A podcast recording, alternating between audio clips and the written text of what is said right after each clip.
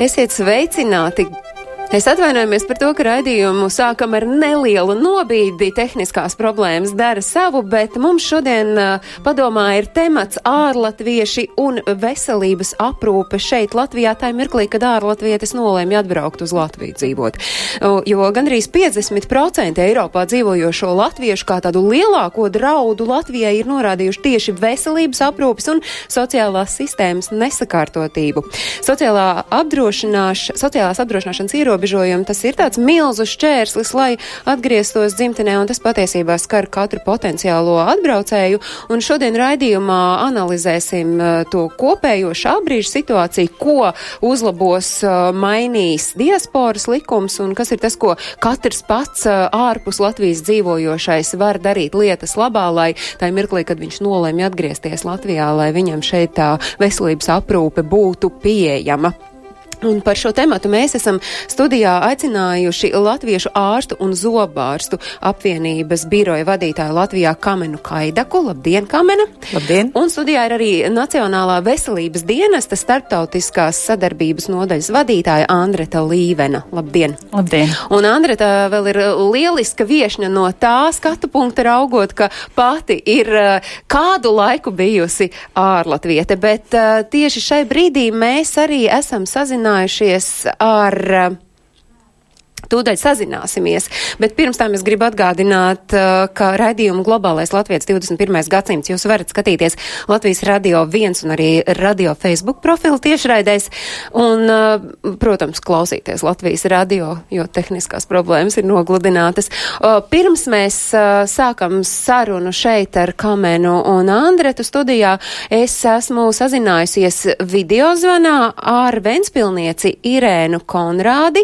un Irēna pagājušajā pagājušajā vasarā ar savu ģimeni atgriezās Latvijā no Lielbritānijas. Un, Irēna, sakiet, tad jūs esat tāds cilvēks, kurš uz savas uh, ādas uh, dzīvē ir izbaudījis to, kāda tad ir tā veselības aprūpes sistēmas pieejamība atgriežoties. Uh, Kā jūs tikāt uh, pie ģimenes ārsta? Cik vienkāršs šis uh, process bija? Nu, tur tā lieta bija tāda, ka problēmas bija dēļ tā, ka nebija vēl deklarēta dzīves vieta, bet bērns bija jāiekārto skolā. Un skolā ļoti laipni bija skolas direktora pirmai pamatskolai, kura apņēmās ņemt mūsu dēliņu vēl bez deklarētas dzīves vietas, bet viņa palūdza dabūt izziņu no ģimenes ārsta. Nu, bet kā tad jūs to varējāt izdarīt, jo, lai dabūtu izziņu no ģimenes ārsta, jums tomēr vajadzēja to deklarēto dzīves vietu? Tur tā lieta, ka mēs ieradāmies poliklīnikā, pirmkārt jau reģistratūrā ļoti nelaipni sagaidīja, teica, es jau jums nedrīkst teikt nemaz nevienu ieteiktā, nevienu ģimenes ārstu. Es saku, bet nu, tad vismaz sarakstu iedodiet vārdus, uzvārds, kā es vispār zinu, pie kā tad es piesakos. Nu, es pat nezinu to sarakstu, jo 16, 15 gadu mēs te neesam bijuši, un lai iedod vismaz to sarakstu, labi, tad viņi man pateica tos dakters, un tad es izvēlējos, aizpildīju formas Pēc tam man pazvanīja māsiņa, kad es jau biju iesniegus tās formas, pazvanīja māsiņa no, no ģimenes ārsta kabineta un pateica, ka viņai rādās internetā tajā ailītē, kur ir pilsoņa status, ka mūsu pilsoņa status ir bloķēts.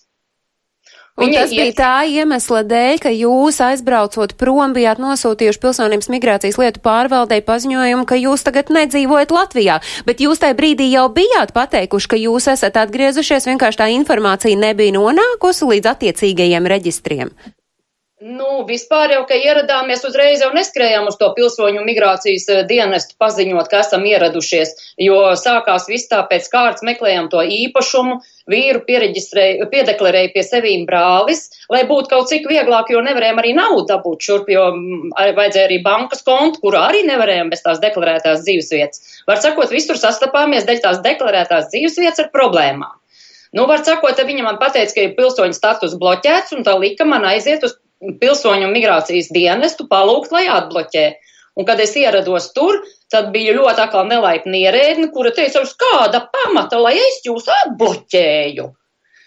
Nu, viņi man neko nelīdzēja, un es aizgāju atkal prom, un tad gaidīju, kas notiksies tālāk, jo um, nezināju pat, ko iesākt. Tādā savdabīgā riņķa dancī jūs bijāt ierauta, bet šobrīd pusgadu pēc tam, kad jūs droši vien to riņķa danci esat izdancojusi, jums ir ģimenes ārsts un šobrīd jūs saņemat visus tos pakalpojumus, kas, nu, jums ir nepieciešami.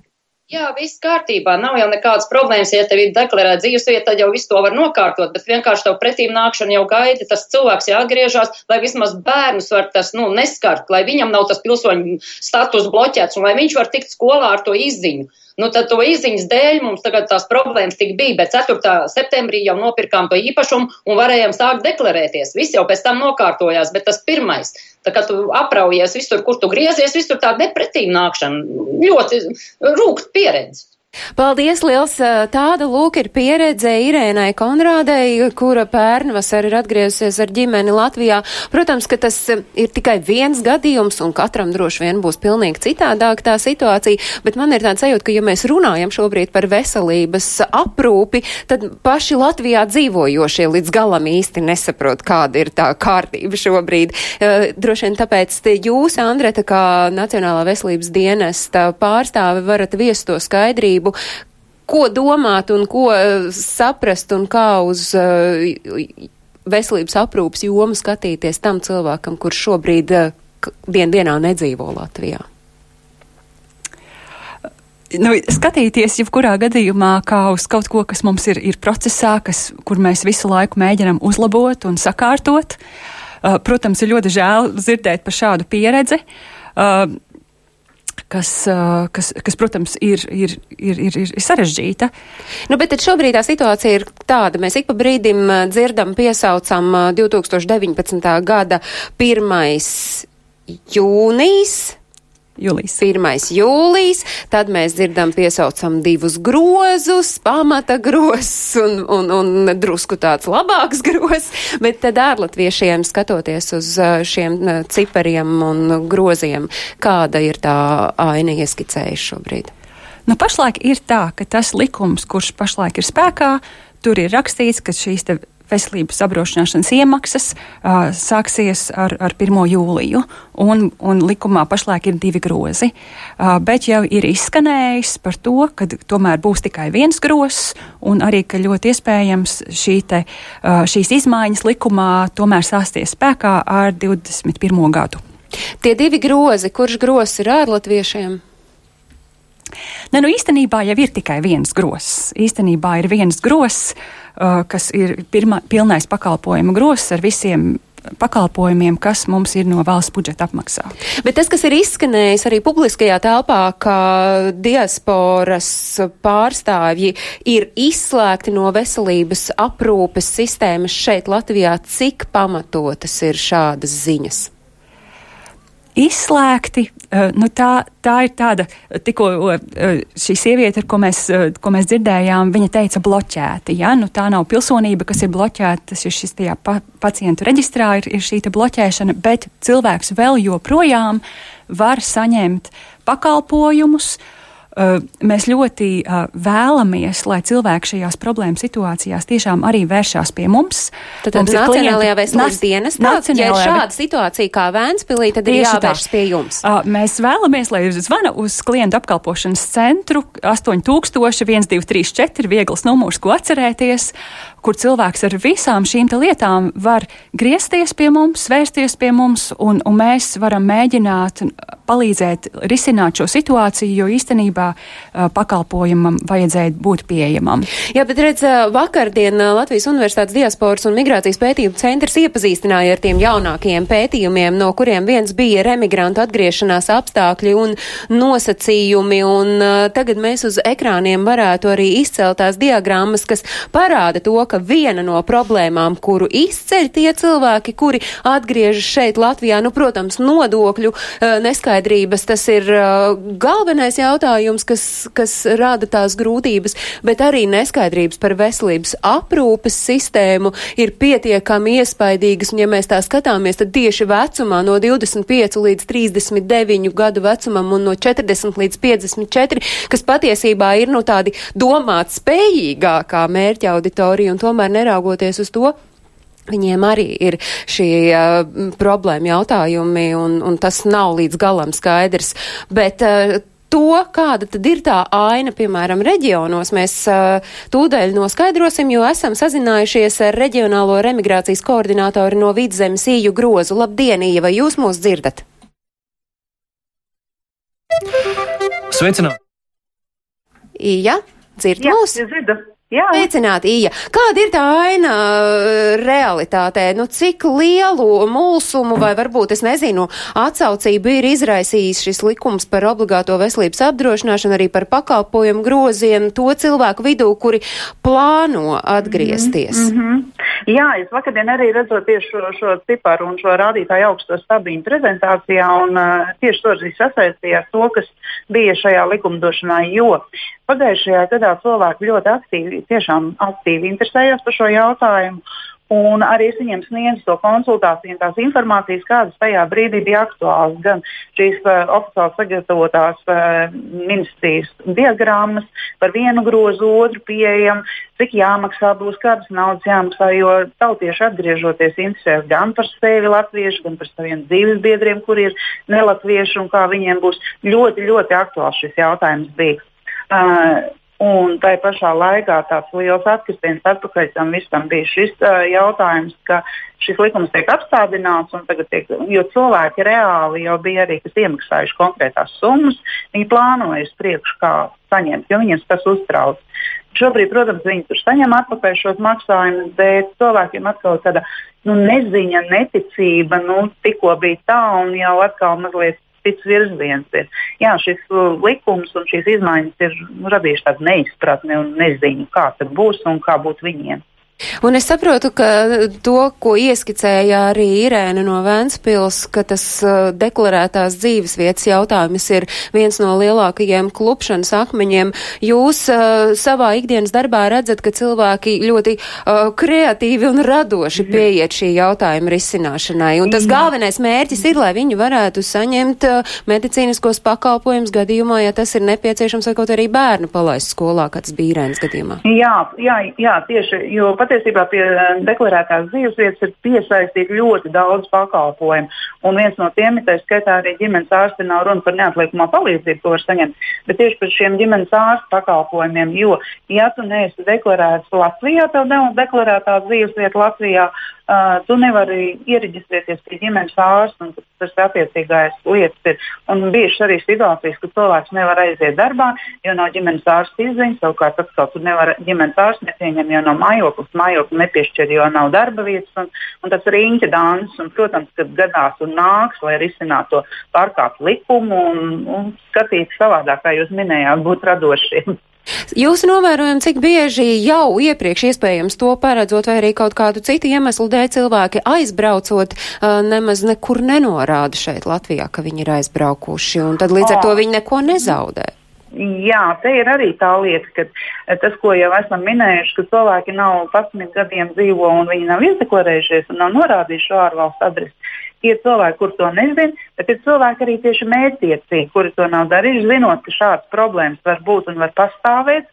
Un, uh, nu, nav noslēpums, ka arī paši cilvēki dzīvojot ārzemēs laiku laikam uh, atbrauc uz Latviju, tieši savas medicīniskās aprūpes vajadzības sakārtot, nokārtot un atkal brauc atpakaļ. Nu, ja nebūs šī deklarētā dzīvesvieta, tad viņiem ne, nav pieeja šiem pakalpojumiem. Un tas ir iemesls, atkal... kāpēc viņi brauc šos pakalpojumus saņemt, mm -hmm, lai man tas nebūtu jāsaka. Teikt, tas iemesls ir arī tas, ko cilvēki paši atzīst, ka neba pie mums tas viss ir slikti un nepieejami un neklausīvi. Cilvēki arī atzīst, novērtē gan tomēr arī šīs cenas, gan pieejamību, gan ārsta attieksmi un, un arī nu, novērtē tās pozitīvās lietas, kas arī mūsu medicīnas. Kur jūs īsi savējiem iesakāt, kuri pie jums vēršas meklēt informāciju? Uh, par, par šiem veselības.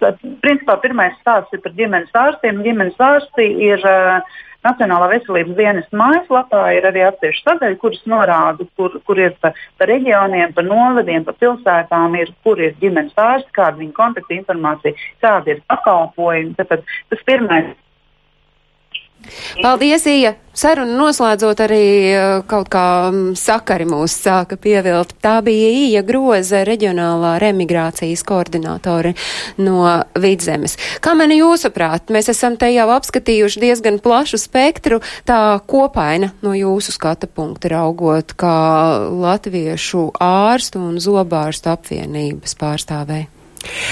Faktiski tas uh, skatu punkts kļūst ar vien plašāks, um, ja mēs kā, nu, kā profesionāļu asociā, biedrība tomēr, jo tā ir tātad organizācija, kas apvieno lat, ārstus un zobārstus, kas uh, pamatā strādā ārpus Latvijas un uh, vairāk orientējās uz tām profesionālajām savas nozares lietām, tad uh, šobrīd uh, faktiski tas skatu punkts kļūst plašāks vai skatu lauks kļūst plašāks tieši tāpēc, ka e, šī mm, komunikācija, viņa notiek visos līmeņos, gan profesionālajā, gan e, sabiedriskajā, kā iedzīvotājiem. E, šie paši cilvēki, kas strādā ārpus Latvijas, viņi brauc uz Latviju vai nu īsāku laiku vai garāku strādāt. Līdz ar to tiešām lāza saīsināti tā šo organizāciju, kurā es darbojos, mēs saucam, lai neaizņemtu ēteru laiku. Lāzas viedoklis ir ļoti precīzi formulēts jau 2017. gadā, kad parādījās vispār ideja par um, uh, diviem groziem, kad ir uh, iedzīvotāju daļa, kurai uh, pienākas tikai minimālais pakalpojuma apjoms un neatliekamā palīdzība pienāks, protams, visiem uh, Latvijā esošajiem, bet šis minimālais pakalpojuma apjoms uh, ir tomēr ļoti minimāls un, un mūsu organizācijas prezident, prezidents Uģis Gruntmans toreiz arī publicēja ļoti ļoti, man liekas, izsvērtu tādu plašu mm, rakstu, publisku rakstu par šo tēmu, kad tas ir uh, neceļš. Uh, sadalīt iedzīvotājus kategorijās un vieniem nodrošināt pakalpojumu un otriem to nenodrošināt pilnībā tādā apjomā, kā tas Bet ir vajadzīgs. Ir ceļš? Ceļš ir izveidot sistēmu, kurā cilvēks saņem palīdzību tajā apjomā, kāds viņam ir vajadzīgs tādu palīdzību, kāda viņam ir vajadzīga, un valsts uzdevums un valsts vispār vīzija un misija būtu tātad panākt to, ka viņas valstī cilvēki dzīvo un jūtās arī veseli, vai vismaz jūtās droši, ka tad, kad būs problēma, tad viņiem būs, kas sniedz Bet šo kā? palīdzību. Tas jau un ir attiecināms ne tikai uz ārlatviešiem, tas uz mums visiem. Tieši kā? tā. Tāpēc es pat gribētu teikt, ka šī nav diasporas problēma. Šie divi grozi es pat gribētu domāt, ka diasporu ja mēs domājam par diasporu kā cilvēkiem, kas izbraukuši no, no Latvijas ar domu, ka viņi citur eh, nu, atradīs labāku darbu, atradīs labākus dzīves apstākļus, viņi pie atgriešanās Latvijā viņiem nebūs problēmas nomaksāt arī šo sociālo, to veselības aprūp, apdrošināšanas iemaksu, neatkarīgi no tā, kāda viņa būs noteikta, lai iekļautos tajā valsts apmaksātajā uh, pilnākajā grozā. Bet es domāju, ka lielākā, lielākais satraukums varētu būt tieši pašiem Latvijas iedzīvotājiem, kuru ienākumi ir zemi vai ļoti zemi vai, vai kuri faktiski reāli nevarēs iekļauties šajā sistēmā. Pat pie labākās gribas viņi nevarēs iekļauties, jo viņiem tādas naudas nebūs ne 5%, ne, ne 10, ne 12. Tāpēc man liekas, ka tagad ir tas īstais brīdis likt galvas kopā un izveidot tiešām funkcionēt spējīgu, protams, veselības aprūpas sistēmu, bet izvērtējot tos visus riskus, kuri parādīsies, ja pieņems lēmumus, kas ir īstermiņa. Jo var nosekt izmaksas vienu gadu, bet tās problēmas, kuras radīsies pēc pieciem gadiem, tāpēc, ka šogad mēs visu nosedzām, tās vairs nebūs atrisināmas vienkārši. Un, um, mm, runājot par to, ko darīt, es domāju, ka te atkal ir stāsts par uh, sarunām. Eh, gudru cilvēku sarunām, kuriem mērķis ir viens. Un tas ir tas, protams, uz ko mēs arī ceram eh, runājot par šo tematu arī mūsu raidījumā, bet ja mēs runājam par ārlatviešiem, tad skaidrs, ka uh, iespējams, ko mēs arī dzirdējām no ījas grozas, ka viņi jau šīs iemaksas veids un viņi saprot, ka tas ir svarīgi, iespējams pat vairāk nekā Latvijā dzīvojošie, un to starp viņi ir arī tie cilvēki, kuri, es saprotu, gadā aptuveni pusmiljārdu eiro jau atstāja šeit. Nu, tā kā tas um, par to runājot, uh, man liekas, vispār mums nevajadzētu domāt, kā ārpus Latvijas dzīvojošie kaut ko šeit grib uh, paģēroši. Viņi ir gatavi iesaistīties šajā procesā procesā. Bet ja mēs skatāmies uz to galvu kopā likšanu, diasporas likumam ir kāda loma un kā panākt to, lai tas, kas, es saprotu, pietiekami smuki ir uzrakstīts, arī reāli darb, darbotos uh, dzīvē. Nu, ja es nu, iespaidā no vakardienas, vakardienas pētījuma prezentācijas, kas notika ārlietu ministrijā un, un Latvijas Universitātes migrācijas un diasporas un migrācijas pētījuma centra veiktie vairāki pētījumi, faktiski ir tāda ļoti laba bāze šo saprātīgo normatīvo aktu izstrādēji, jo, ko es esmu sapratusi un, un ka mums katram ir tikai tā pieredze, kuru mēs iegūstam. Un mēs principā varam, uh, mēs varam domāt, ka mēs saprotam kaut ko.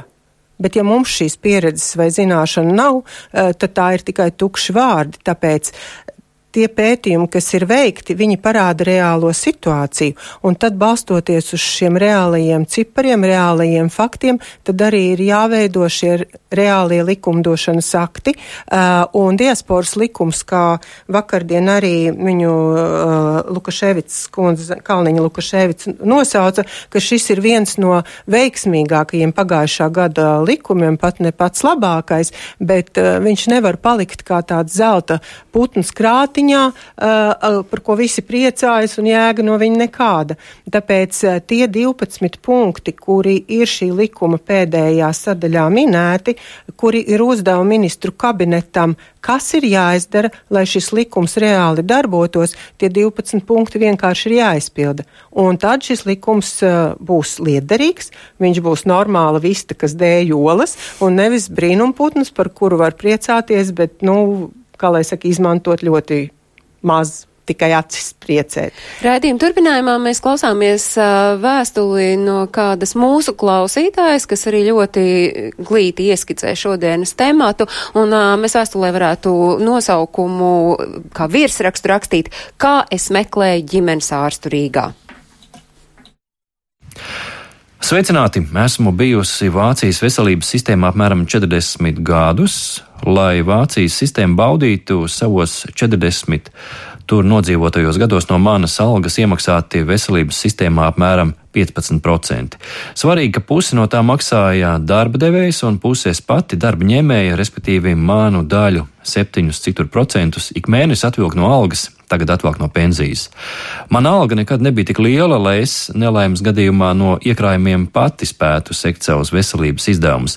Tādēļ man bija tā saucamā Pflicht, jeb obligātā veselības apdrošināšana. 2019. gadā Vācijā, piemēram, ir jāpelnā vairāk nekā 5000 eiro mēnesī, lai būtu atbrīvots no obligātās veselības apdrošināšanas. Tomēr Vācijā vidē tikai 15% iedzīvotāju pelna vairāk par šo noteikto summu. Katrs drīkst izvēlēties, kurā apdrošināšanas kasē piedalās, bet būtībā tās visas ir relatīvi līdzīgas un sedz ļoti daudz, lai arī ne visu. Vismaz pašlaik, kamēr vēl esmu relatīvi vesela un varu izbraukāt, es plānoju izmantot Vācijas pierasto un nopelnīto sistēmu. Bet tā kā ikdienā dzīvoju Latvijā, saprotu, ka ir labi, ka te man būtu ģimenes ārsts, ja nu man pēkšņi sāpētu kakls vai strauji celtos temperatūra. Mani pazīstamie lielākoties iet uz privātām klīnikām un maksā par pakalpojumiem. Tagad par maniem ģimenes ārsta meklējumiem. Atradu internetā gāru sarakstu, principā skatījos pēc pasta kodiem, kas man būtu kaut cik tuvu un reizē kurš man ņemtu pretim. Pēc pāris zvaniem trāpīja tādu vietu, kur man laipni atbildēja un teica, ka varu pievakarē atnākt uz runas stundu. Paņēma savus Vācijas medicīniskos papīrus, laboratorijas, izrakstus, potes un tā tālāk, un nonāca telpās, kas atstāja seno laiku iespaidu. Nevienādas ledainas trepes, visādas čīkstošas dīvainas durvis bez uzrakstiem, krēsli, katrs citādāks, bet nu ne jau tādu šiki kā pie hipsteriem. Pieteikšanās ir pēc tam, kad iziet cauri trim priekštelpām, žurnālu nav, bet krēsli, kur gaidīt ir un viss ir labi. Cilvēki uzgaidāmajā telpā arī izteicās pozitīvi par ārsti. Ienāca ģimenīte ar diviem ļanganiem, redzami slimiem bērniem ārste, to lit viņiem deva priekšroku, un tas bija patīkams gājiens, manuprāt. Pats ārsta kabinets atgādināja Vācijas iestādes pirms 25 gadiem. Skapji pilni ar satītu papīru, rullīšiem un mapēm, kompītis viens tas pats pie sekretāras. Ārste ne sevišķi jauna, ne tieši draudzīga, bet patīkami lietišķa un atstāja zinošu, pieredzējušu iespaidu. Man nebļāva virsū par to, ka es kā nezinīti no mēnesis, kā man līdz šim Latvijas iestādēs lika manīt. Pacietīga ārste skatīja manus papīrus, uzklausīja, pētīja, kuras zāles man jālieto, un ar roku to visu pierakstīja blociņā. Mērvienības, ko lieto Vācijā, laikam atšķiras no tām, ko lieto Latvijā, tāpēc tika zvanīts un pārbaudīts, kas un kā. Man ir arī dzirdes aparāti, par tiem gan ārste ļoti stingri ieteica lietas kārtot Vācijā, jo Latvijā tomēr nesot tāda kvalitāte. Man bija jārāda savu Latvijas pase, es saprotu, ka tagad esmu sistēmā iekšā, tomēr man nav nekādas kartītes vai kā cita, lai to pierādītu. Manas studijas viešņas, Nacionālā veselības dienesta pārstāve un Latviešu ārstu un zobārstu apvienības biroja pārstāve saka, ka kopīgi vienojāmies, ka mūsu šīs dienas pieredzes, tie cilvēki, kur darā, dalās ar savu pieredzi, visticamāk ir uzrāvušies un, un viņiem ir tie, nu, netie spožie veiksmes stāsti, vai ne? Bet šobrīd mēs esam sazinājušies ar Ievu Reini, kura kopš 2010. gada dzīvo Stokholmā un strādā par analīzi analītiķi Zviedrijas sociālās apdrošināšanas aģentūras galvenajā birojā arī vada zinātniskos projektus Upsalas universitātē. Kādā tad uh, statusā Ieva jūs pati esat saistībā ar veselības aprūpi, ārstiem un medicīnu šeit Latvijā? Pavisam nesen mani ievēlēja Latvijas Universitātes diasporas un migrācijas pētījuma centrā par vadošo pētnieci, un līdz ar to es esmu daļa no liela pētījuma, kas pavisam drīz sasniegs mūsu tautiešus ārvalstīs, un viena no jaunākajām sadaļām, kāda iepriekš nav bijusi, būs izvērsta daļa ar jautājumiem par eh, veselību, par labbūtību un arī par psiholoģisko veselību. Jūsu vērtējums savukārt uh, esot Zviedrijā Latvijas veselības aprūpas jomai un uh, īpaši fokusējoties uz to, kas skar ārlatviešu tos cilvēkus, kuri dzīvo ārpus, bet nu, tuvākā vai tālākā laikā plāno atgriezties Latvijā. Es varētu pateikt pavisam tādu interesantu lietu, kā latviešu jautājumi vai problēmas nav nebūtu unikāli, jo arī strādājot Zviedrijas sociālās apdrošināšanas aģentūrā, mēs saskaramies ar tieši tādām pašām problēmām. Jo šajā migrācijas eh, jaunajā pasaulē cilvēkiem piederība pie sociālās apdrošināšanas paliek pavisam nenosakām. Un tādēļ arī mūsu pētījums Latvijas Universitātē ir saistīts ar likvīdo migrāciju. Un, un ko tas nozīmē likvīdā migrācija? Tas nozīmē, ka cilvēki var pārvietoties eh, īpaši jau Eiropā ļoti strauji dažādos virzienos. Tie var būt arī Latvijas remigranti, kuri pēc tam pārceļas atpakaļ uz iepriekšējo mītnes zemi vai pārcelties uz trešo valsti. Un mēs varam arī kā jaunāko fenomenu minēt tādu transnacionālu dzīvesveidu, kas nozīmē, ka cilvēks var vienā nedēļā strādāt pat vairākās valstīs. Un līdz ar to šī sociālās apdrošināšanas piedarība ir ļoti grūti nosakāma. Nu, bet kā tad risināt to? Nu, mēs jau nevaram atstāt vienkārši visu pašplūsmā vai arī ļaut viņam pilnīgi visur rosīties. Jā, kā man jau minēja, ka jāliek ir galvas kopā, bet es gribētu gan vairāk mudināt likt galvas kopā ar valstu pārstāvjiem, kurās migrācija jau ir bijusi ļoti aktīva ilgāku laika periodu, kā viņi risina šos jautājumus. Kuras jo, tās būtu, jūsuprāt, kuras tad būtu tās, ar kurām vajadzētu, uz kurām vajadzētu skatīties, kā rīkoties? Agrāk bija daudz emigrantu no īrijas, arī no polijas, jo es pieņemu, ka šīm valstīm ir ļoti laba praksa, arī Portugāla, kuras varētu dot lieliskus padomus mūsu dienestiem, kas labāk arī varētu sakārtot šo likumdošanu iekšzemē. Bet tajā pašā laikā ir Eiropas Savienības normatīvi, kurus Latvijai ir jāpilda. Paldies, liels tā ir Ieva Reina, ar ko mēs sazinājāmies. Ieva šobrīd ir Stokholmā, un tas nozīmē, ka uh, tie, kuri nedzīvo Latvijā, viņi var gaidīt, uh, ka jūs kā pētniece viņus uzrunāsit, un tad viņi sniegs to savu verdiktu, savas atbildes. Jā, tiks uzdot dažādi jautājumi par veselības pakalpojumu pieejamību ne tikai Latvijā, bet arī savā mītnes zemē. Un uh, mēs uh, jau tagad paredzam, ka patiesībā viens no galvenajiem klupšanas akmeņiem, lai saņemtu uh, palīdzību savā mītnes zemē ir valodas nezināšana, un otrkārt, lai meklētu palīdzību Latvijā, ir vairāk šo dokumentu, birokrātisko papīru aizpildīšanas problēmas. Un kādas būs tad tās sekas pētījumam? Nu, kurš ko no ko iegūs un, un cik ilgā laikā jūs pie tā kopsaucēja, pie tā rezultāta nonāksiet? Kopsaucējus visticamāk mēs varētu izdarīt secinājumus jau gada beigās, jo pavisam drīz anketa sasniegs mūsu respondentus. Un, protams, ka mēs ceram dot zināmu veidu atbalstu mūsu veselības aprūpes dienestiem, lai varētu veiksmīgāk nodrošināt šos gadījumus, atrisināt situācijas, ka cilvēki nespēja saņemt veselības pakalpojumus uz vietas, kas viņiem savukārt liek doties eh, uz ārvalstīm meklēt eh, dzīvesvietu tur, kur viņi šos pakalpojumus saņem vienkāršākā veidā. Paldies liels, paldies Ievai Rēnai. Ja mēs par to starpvalstu, starpvalstu sadarbību runājam, tad kāda tā ir šobrīd, ja mēs nu, reāli par, par vienu konkrētu cilvēku, kurš kaut kur dzīvo, tad viņš atbrauc uz šeieni un uh, pierakstās vai nu atpakaļ pie ģimenes ārsta vai kādu jaunu atrod. Tā informācija, kas par šo cilvēku, nezinu, 15 gadus viņš varbūt ir bijis uh, pie kāda cita ārsta citā pasaules malā. Kā ir šī sadarbība? Vai kāds vispār zina, kādu ģimenes ārstu šeit Latvijā vispār interesē, kas ar to cilvēku ir noticis pēdējos 15 gadus? Nu, šis cilvēks pats noteikti var nākt pie sava ģimenes ārsta un šo informāciju sniegt. Tas, kā tie medicīniskie dokumenti tiek konkrēti nodoti, tā ir, ir, ir atkal drusku cits jautājums.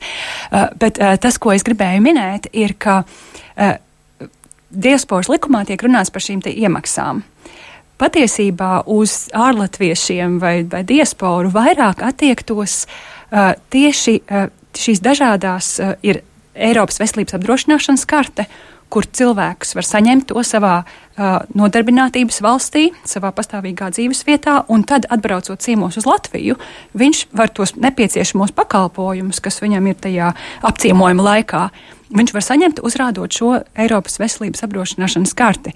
Mums ir arī ļoti daudz cilvēki, kuri strādā kādā citā Eiropas Savienības valstī, bet īstenībā patsāvīgi jau dzīvo šeit, piemēram, katru otro nedēļu brauc uz darbiņu tur. Un tad šī nodarbinātības valsts viņiem var izsniegt tādu veidlapu S1, kas ir apliecinājums eh, par tiesībām saņemt veselības aprūpas pakalpojumus Latvijā. Un tad, reģistrējot šo veidlapu pie mums, Nacionālajā veselības dienestā, viņam ir iespējams saņemt visu plašo pakalpojumu grozu, kāds tad ir mūsu valsts apmaksāto pakalpojumu grozs. Tas nozīmē, ka patiesībā uh, attiecībā uz cilvēkiem, kas strādā, kas ir nodarbināti citā valstī, vairāk šis jautājums ir nevis par iemaksām, vairāk šis jautājums ir tieši par šiem nepieciešamajiem dokumentiem, ko viņi var saņemt savā sociālās apdrošināšanas iestādē. Proti, mītnes zemē, nu, mītnes no zemē reāli... tieši tā. Un tad, uh, un tad saņemt pakalpojumus uh, noteiktā apjomā šeit. Un, uh, uh, jā, pazuda. pazuda. Ne, es ļoti jauki par šo informāciju, jo tas ir tas sāpīgais punkts, kad cilvēks, uh, viņš jau, uh, kā lai saka, nezin pilnu spektru piedāvājuma, viņš dzird vienu faktu. Tātad, ja nebūšu iemaksājis, nebūs Jā. man veselības aprūpas pakalpojumi. Un es tagad atcerējos, kas man pazuda. Man pazuda tas, ka mēs patiesībā pēdējā gada laikā esam uz, uzsākuši gatavot arī diezgan tādu proaktīvu informāciju par, par šīm lietām, lai cilvēki to zinātu. Jo, protams, kā jūs sakat, ja vienīgā informācija, kas izskan, ir par šīm iemaksām, jā, jā, un iemaksas, tad, tad tā ir, ir tā lieta, ko cilvēki zina. Tas, ka mēs zinām, ka ir eva kartes un ka ir tās veidlapas, ko cilvēki varētu izmantot un, un saņemt pakalpojumus šeit, uh, protams, mums ir par to jāinformē. Bet un, kas ir tas, ko jūs, piemēram, varētu teikt Ievai, kuri saka, ka viens no, no, no tādiem, ko viņi jau prognozē, pārāk liela birokrātija, un jūs vienkārši minat to vārdu veidlapas, un arī tās veidlapas uh, asociējas ar birokrātiju. Atgriežoties šeit pie mums Latvijā, piemēram. Lai būtu vienkāršāk, lai nebūtu veidlapas, tas Jā. ir jūsu jautājums. Nu, Tanī gadījumā, kad cilvēks ir apdrošināts citā valstī, jo uh, patiesībā Eiropas kontekstā visas šīs sociālās apdrošināšanas sistēmas tiek koordinētas, un tie divi faktori, kas visu laiku darbojās, ir cilvēka pastāvīgā dzīvesvieta un viņa nodarbinātības vai sociālās apdrošināšanas valsts. Un tas nozīmē, ka ka, tie ir arī tie faktori, kas mums vienmēr jāņem vērā.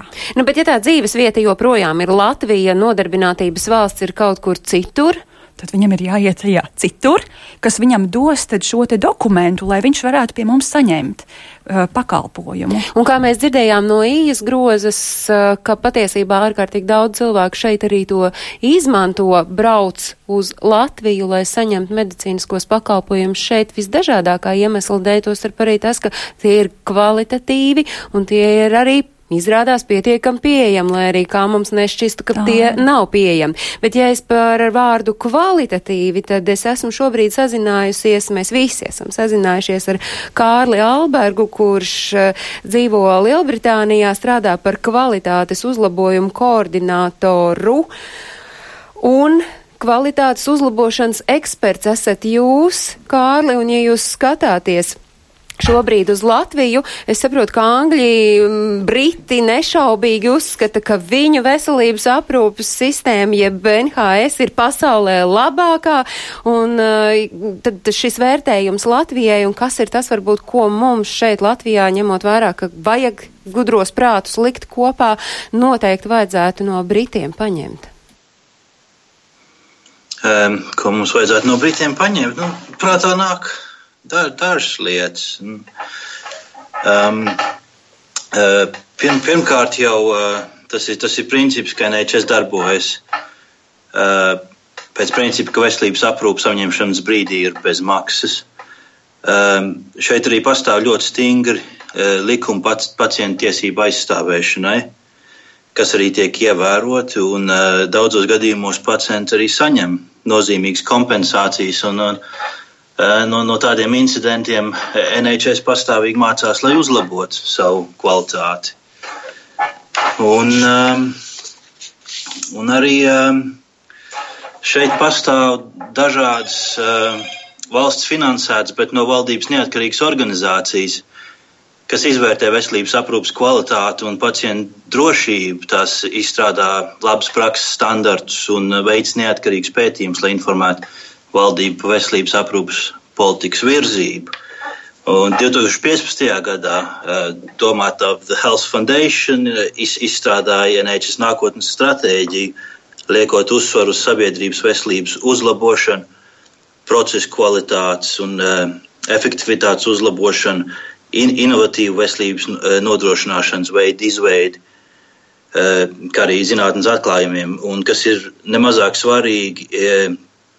Uh, viņi liek uzsvaru uz to, ka ir jāsamazina pašlaik do, dominants aktīvu izmaksu menedžments. Ko tas nozīmē? Un, kas tieši? Dominants aktīvu izmaksu menedžments. Tas, tas nozīmē to, ka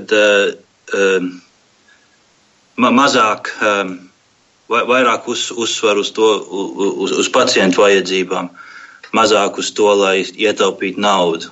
Tas e, ļoti aktuāli arī būtu pie mums Latvijā, bet, nu, ja jūs tā skatāties, tad e, kas, kā, kā jūs vērtējat to kopainu, kāda ir šobrīd Latvijā? Man ir grūti vērtēt veselības aprūpu Latvijā, jo es Latvijā neesmu dzīvojis jau 20 gadus. Un, bet, ja mēs skatāmies uz Pasaules veselības organizācijas līgu tabulu, kur tiek izvērtēts 190 valstu veselības aprūpas sistēmas pa kritērijiem, ņemot sabiedrības veselību kopumā, cik ātri sistēma spēja reaģēt uz pacientu vajadzībām, cik taisnīgi tiek sadalīts finansējums, to pakalpojumu kvalitāti, vienlīdzību un sistēmas efektivitāti, tad um, Latvija šī tabulā ieņem 105. vietu vielu pārdomām. Bet kā jūs uh, raugāties uz uh, to, ka medicīna kā eksporta prece un uh, ka ārlatvieši, tie cilvēki, kas dzīvo ārpus Latvijas, būtu šie medicīnas eksporta aģenti? Tas ir vēl viens tāds aspekts, kam mēs neesam šodien pieskāršies. Ar medicīnu kā eksporta preci vai jūs domājat veselības turismu? Iespējams arī veselības turismu. Okay, uh, un uh, medicīnas eksporta aģenti, kas tie būtu? Tie būtu tie ārlatvieši, kuri dzīvo ārpus Latvijas un kuri zina šo jomu diezgan, nu, kuri ir uz savas ādas to pārbaudījuši. un viņi popularizētu to. Jā, tieši tā viņi aicinātu popularizētu. Tas varētu strādāt. Well, um, ideja par veselības turismu pie, piesaistīt cilvēkus, lai, lai tie brauktu uz Latviju ārstēties, tā nav slikta. Uh, Bet, lai tas notiktu Latvijā, vispirms ir jāsasniedz daudz augstāka vieta Pasaules veselības organizācijas reitingu tabulā vispirms. Un arī jāiegūst atzinība starptautiskā līmenī uh, ar, ar sasniegumiem medicīnas attīstībā un zinātnē. Um, un attiecībā par uh, ārlatviešiem kā medicīnas eksporta aģentiem, es uh, domāju, ka veselība ir pārāk nopietns jautājums, lai paļautos uz uz, uz diasporu kā medicīnas uh, eksporta aģentiem. Es nedomāju, ka cilvēki vēlētos uzņemties tādu risku. Un, viņiem varētu būt arī komplikācijas ar um, viņu, viņu mītnes zemēs esošām medicīnas iestādēm, pēc tam kā arī ar veselības aģentu, apdrošināšanas aģentiem. Paldies jums liels, Kārli, un uh, ņemot vērā, ka jūs esat kvalitātes uzlabošanas eksperts, es domāju, ka šeit uh, tas uh, veselības jomas kūrētājiem iespējams Kārli vajag paturēt prātā, Jā. ka Kārlis tāds mums ir, kurš uzrauga Lielbritānijā, nu ir viens no cilvēkiem, kurš ir iesaistījies šeit kvalitātes uzlabošanā, un tas ir arī tas jautājums, kas mums ir nepieciešams noteikti vēl uzlabot un uzlabot. Mums ir pāris pēdējās minūtes minūtes palikušas raidījumā. Katrai no jums dodu burtiski pāris minūšu vārdu, lai tādu kopsavilkumu. Uh, kādā posmā mēs esam un kas ir tas uzlabojamais un kam noteikti ir jāpievērš uzmanība, liekot gudrās galvas kopā. Šausmīgi man likās, ka mums būs tik daudz laika un beigās viņš pietrūks, bet tā nelēma, ko mēs sakām vēlāk. Tāpēc es ļoti gribu pateikt vienu lietu par diasporas likumu. Diasporas likumā viena daļa ir pakalpojumu saņēmēji, otra daļa, protams, ir pakalpojumu sniedzēji. Un labs pakalpojums nevar būt, ja nav pakalpojumu sniedzēju. Tāpēc man ir uh, prieks, ka diasporas likumā ir punkts, kurš risina vienu ļoti svarīgu lietu, lai tie gudrie prāti, kas no Latvijas vai nu ir aizbraukuši, vai nekad nav Latvijā dzīvojuši, bet gribētu šeit atbraukt un sniegt veselības aprūpē pakalpojumus. Runāju par ārstiem, par māsām. Viņi šobrīd, ja nav Eiropas Savienības uh, iedzīvotāji.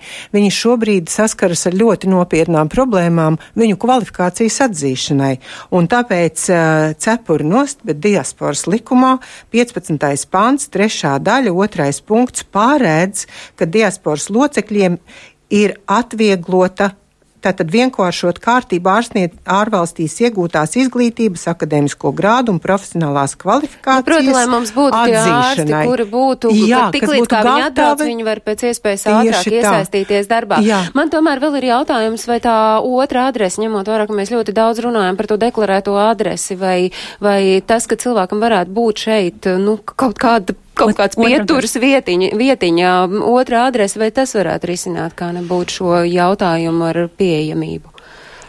Iespējams, ka tas varētu būt palīdzība, jā, šī otrā adrese, bet, bet likumā jau ir norādīts, ka īstenībā šī adrese otrā netiek ņemta vērā, laikam, sociālās apdrošināšanas jautājumos. Bet tas, ko es no savas puses noteikti gribētu pateikt, tāpēc, ka man īpaši ir uzrunājis tās pieredzes cilvēki, kas šeit dalījās, ir tiešām lūgt, lai cilvēki, ja viņi sadurās ar kaut kādām uh, pakalpojumu pieejamības problēmām, lai viņi sazinās ar Nacionālo veselības dienestu, ar mūsu klientu apkalpošanas centru, kur jau nosauc 8000 tūkstoši, 1, 2, 3, 4. Un mēs tiešām esam, mēs ļoti vēlamies palīdzēt un atbalstīt cilvēkus viņu atgriešanās procesā, vai kad viņi dzīvo vēl joprojām ārvalstīs un, un vēlas saprast, kā tad, kā tad tiešām viņš to, to pakalpojumu var saņemt šeit. Un savukārt ar tiem jauniešiem, kuri dodas studēt un uh, viņi zina, ka viņi tikai ir uz īsu brīdi prom, viņiem vajag paziņot un, un, un, un veikt iemaksas tur, kur viņi mācās, vai tomēr viņi var palikt šeit Latvijā? Studentiem, jauniešiem noteikti, ko vajadzētu izdarīt, ir izņemt pie mums Eiropas veselības apdrošināšanas karti. Nu, tas evak. Evaku. Tieši mm -hmm. tā. Pilnīgi visiem, ne tikai studentiem, un, un, bet jebkuram cilvēkam, kurš, kurš brauc ārpusē uz īsāku laiku, vai tās ir studijas vai ceļojums, lūdzu izņemiet evaku, jo tas arī ļoti palīdz. Es domāju, ka mēs par šo tematu nevienu reizi vēl runāsim, tāpēc, ka nekas nav akmenī iekalts un patiesībā mēs vispār nezinām, kas ar mūsu veselības aprūpas likumu notiks pēc mēneša vai diviem. Es saku paldies Kamena Kaidaka, Latviešu ārstu un zobārstu apvienības bīroja vadītāja vadītāja Latvijā un Andreta Līvena, Nacionālā veselības dienesta starptautiskās sadarbības nodaļas vadītāja. Un es saku paldies arī klausītājiem, aicinot visus tos, kuri mūs klausās nedzīvojot Latvijā ar kultūras un sabiedriskajiem notikumiem, kas notiek ārpus Latvijas. Jūs varat kā alleži iepazīties portāla latviešu.com lielākajā diasporas notikumu kalendārā, jo es esmu pilnīgi pārliecināta, ka pasaulē notiek daudz daudz aizraujošu pasākumu, kas ir domāti tieši latviešiem. Ar to arī šodien raidījums Globālais Latvijas 21. gadsimts izskan. Tiekamies mēs pēc nedēļas, bet tikmēr es atgādinu, ka jūs varat mūs meklēt Latvijas Radio 1 mājaslapā, skatieties raidījumu tur vai arī dariet to portālā latviešu.com un klausieties raidījumu atkārtojumu Latvijas Radio 1 viļņos katru svētdienu uzreiz pēc ziņām trijos. Tas arī šai dienai viss, lai visiem ir jauka atlikusī dienas daļa un tiekamies jau pēc nedēļas. Atā!